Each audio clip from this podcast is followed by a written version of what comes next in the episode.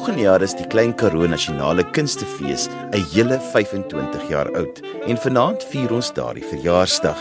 Hugo Tiart is weer aan die stuur van sake en hy is tans die waarnemende uitvoerende hoof. 'n Fees soos die KAKNK se nie vir 25 jaar kon bestaan sonder die ondersteuning van ongelooflike borge en uh, vennote nie.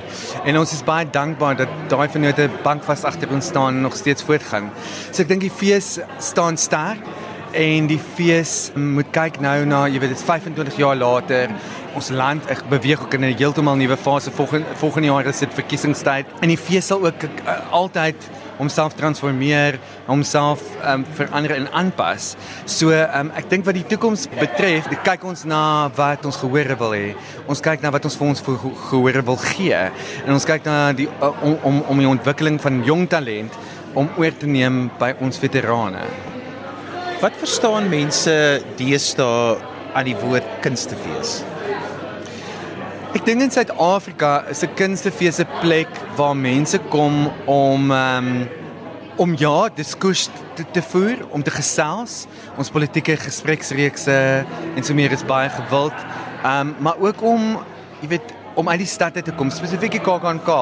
Dit is 'n 'n fees wat in 'n pragtige, pragtige, pragtige deel van die land is, die Klein Karoo. En ehm um, ek dink mense wil kan wegkom van die stad af. Hulle kan kom kuier, hulle kan tyd spandeer saam met familie, tyd spandeer saam met vriende, nuwe vriende ontmoet, nuwe ehm um, koneksies maak. Ehm um, en reg goeie drama, goeie komedie, ehm um, goeie musiek. Ek beleef en ek dink ehm um, ek dink dit is wat in 'n kunstefees, 'n nasionale kunstefees moet ehm um, ons kyk na al die uitvoerende kunste en visuele kunste en alles alles wat wat wat, wat saamgaan met kuns en kultuur. En ons vier uiteindelik die kultuur van Suid-Afrika met ons kunstefeeste.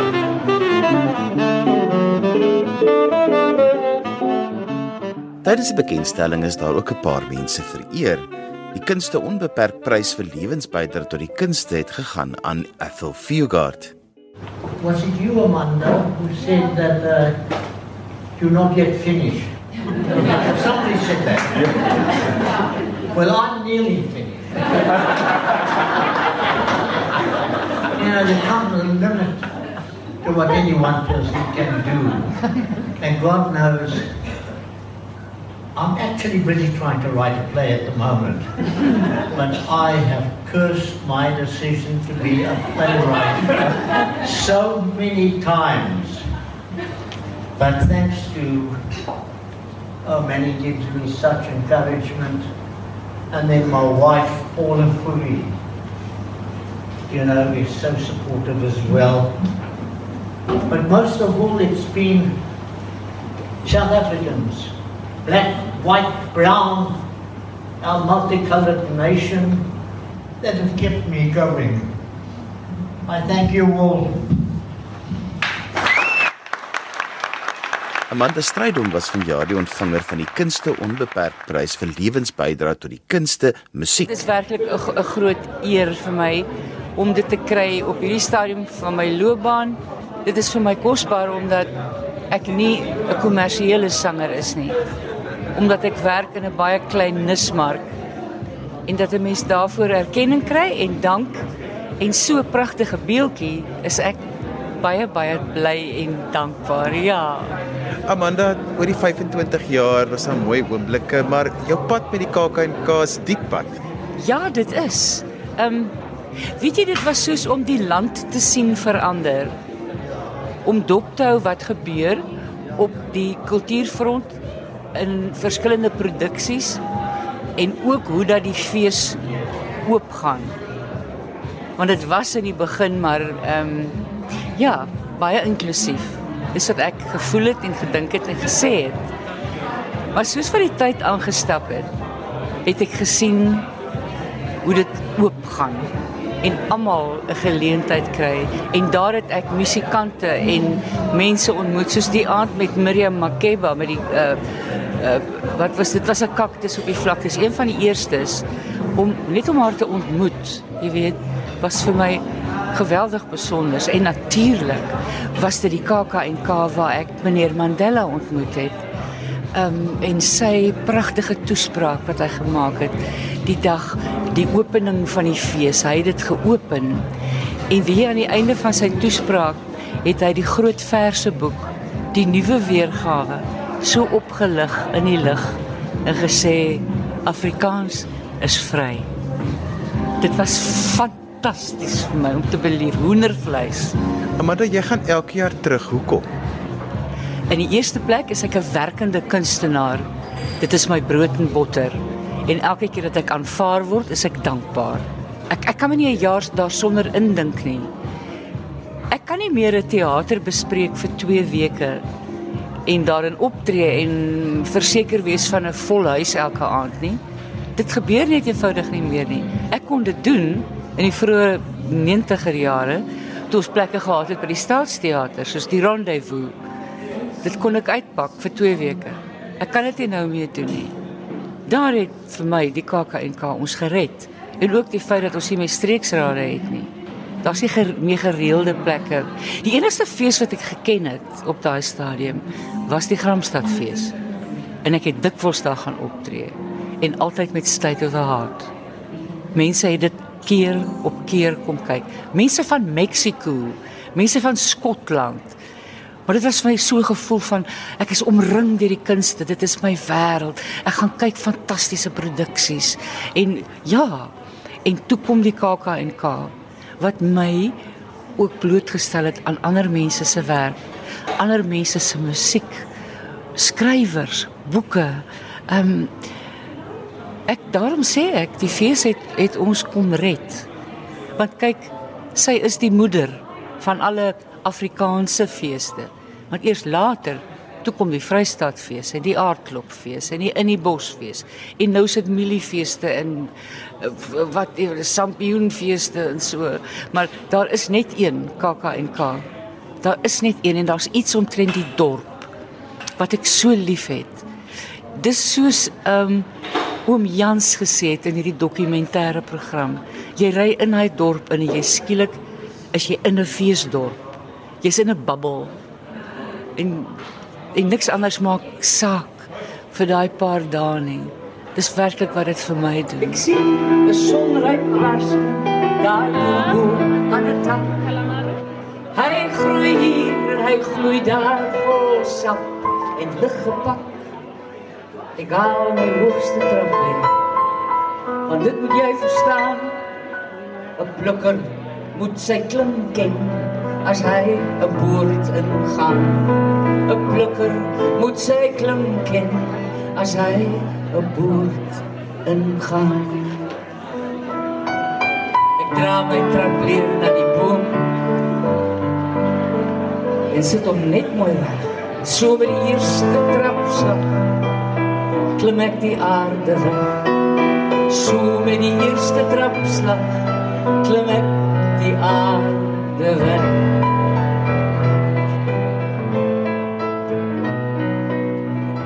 Die kunste onbeperk prys vir dienste aan die kunste is toegekend aan Lis Meyering.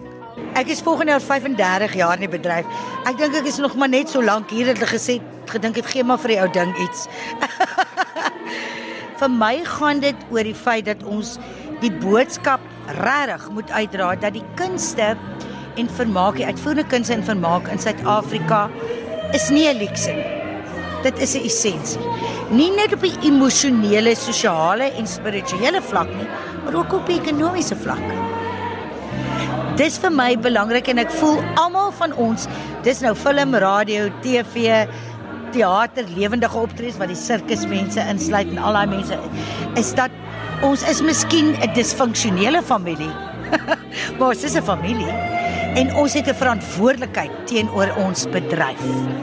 En ek wil nie hê ons moet so slagoffers en verloorders lyk. Wanneer ons investering wil hê, aaklige anglisisme, ekskuus, dan moet ons soos wenners lyk. Soos mense wat dit waardig is en ons is. Ek gesels met Magiet Baie Rodebeck. Magiet, 25 jaar terug het KAK&K Wat jy op die map gesit het, ek het ons het geweet van jou, maar daar was daai spesifieke jaar op KAK&K wat Dowwe Dolla so half die land gevat het. Ja, weet jy, ehm um, dit is wat Amanda Strand nog vandag vroeër vanaand gesê het. Die feeste het vir ons platforms gegee wat ons nie gehad het nie, want daar was nie die kunsterade nie. Maar dit was seker so die eerste, tweede, derde, die ek dink dit was die derde KAKNK wat ek die eerste 2 jaar revues gedoen en goeters en die derde een het ek Dolla gebring as 'n solo show. En dit het ja, dit het my op die web gesit. Het, ek het gedink Dolla gaan net vir 1 jaar kom as soos 'n soort van 'n revue, 'n comedy show en dan gaan ek weggaan en dan gaan ek iets anders kyk. Maar sy het gebly, ja, en dit die tweede jaar dat ek Dolla gebring het, het Karen vir my die 10 uur laat aanslaats gegee in die banketsaal.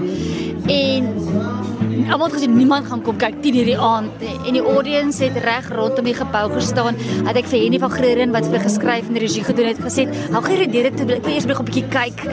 Want ek kan dit nie glo nie. Ek kan nie glo hulle wil vir my kom kyk nie. Begiet my jy gaan soveel keer terug KAKNK toe. Hoekom? Dis 'n platform. Dis 'n masjien wat werk.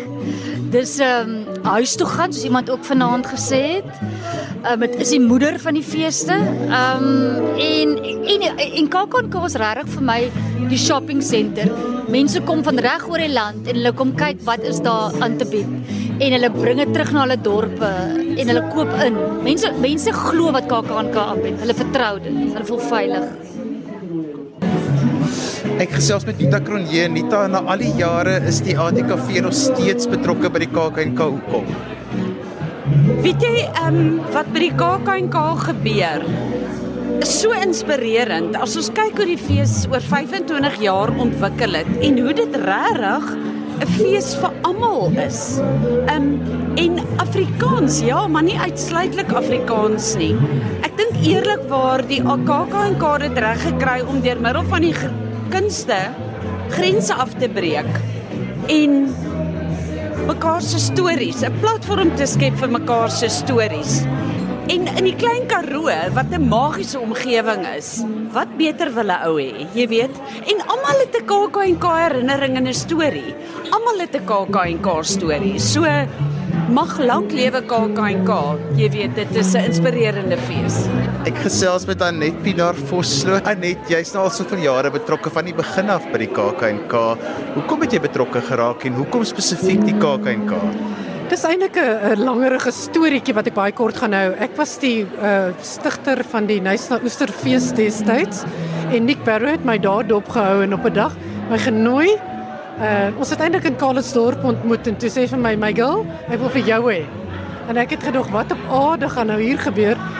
Volgende oomblik word ek aangestel as korporatiewe kommunikasie hoof by Naspers en ek uh, kry die instruksie via 'n Ton Vosloo en Andrew Maree ons gaan 'n kunstefees begin in Oudtshoorn. Toe weet ek presies hoe daardie hele situasie ontstaan het met Nick, soos ek sê wat 'n baie vernuftige sakeman is en hy het met die regte mense gepraat en toe ek my oë uitweet toe ek terug in Oudtshoorn en dit was die begin van een van die wonderlikste ervarings van my hele lewe. Ek onthou, dit was die begin van selfone gewees op daardie stadium en ek bel vir Andrew en ek sit in 'n kroeg en soos almal van ons maar daai tyd gekuier het. Dit is nou 25 jaar gelede en ek bel vir vir Andrew met die foon en ek sê vir hom dit gr, gr, gr, en ek sê hier is mense. Ek sê meneer Maree, die mense kom. Ek kan nie glo nie maar dis werklik ek dink die teater is vol. En van daar af was dit net die skepende kreatiwiteit dink ek van Suid-Afrikaners wat so lank na Afrikaanssprekende mense wat 'n forum gesoek het en 'n plek gesoek het. En vir my is die KAKNK werklik steeds die moeder van al die kunstefeeste. Dis dis die saadjie wat destyds geplant is en al die ander klein pragtige plantjies wat groot bome geword het, het ontkiem uit die KAKNK.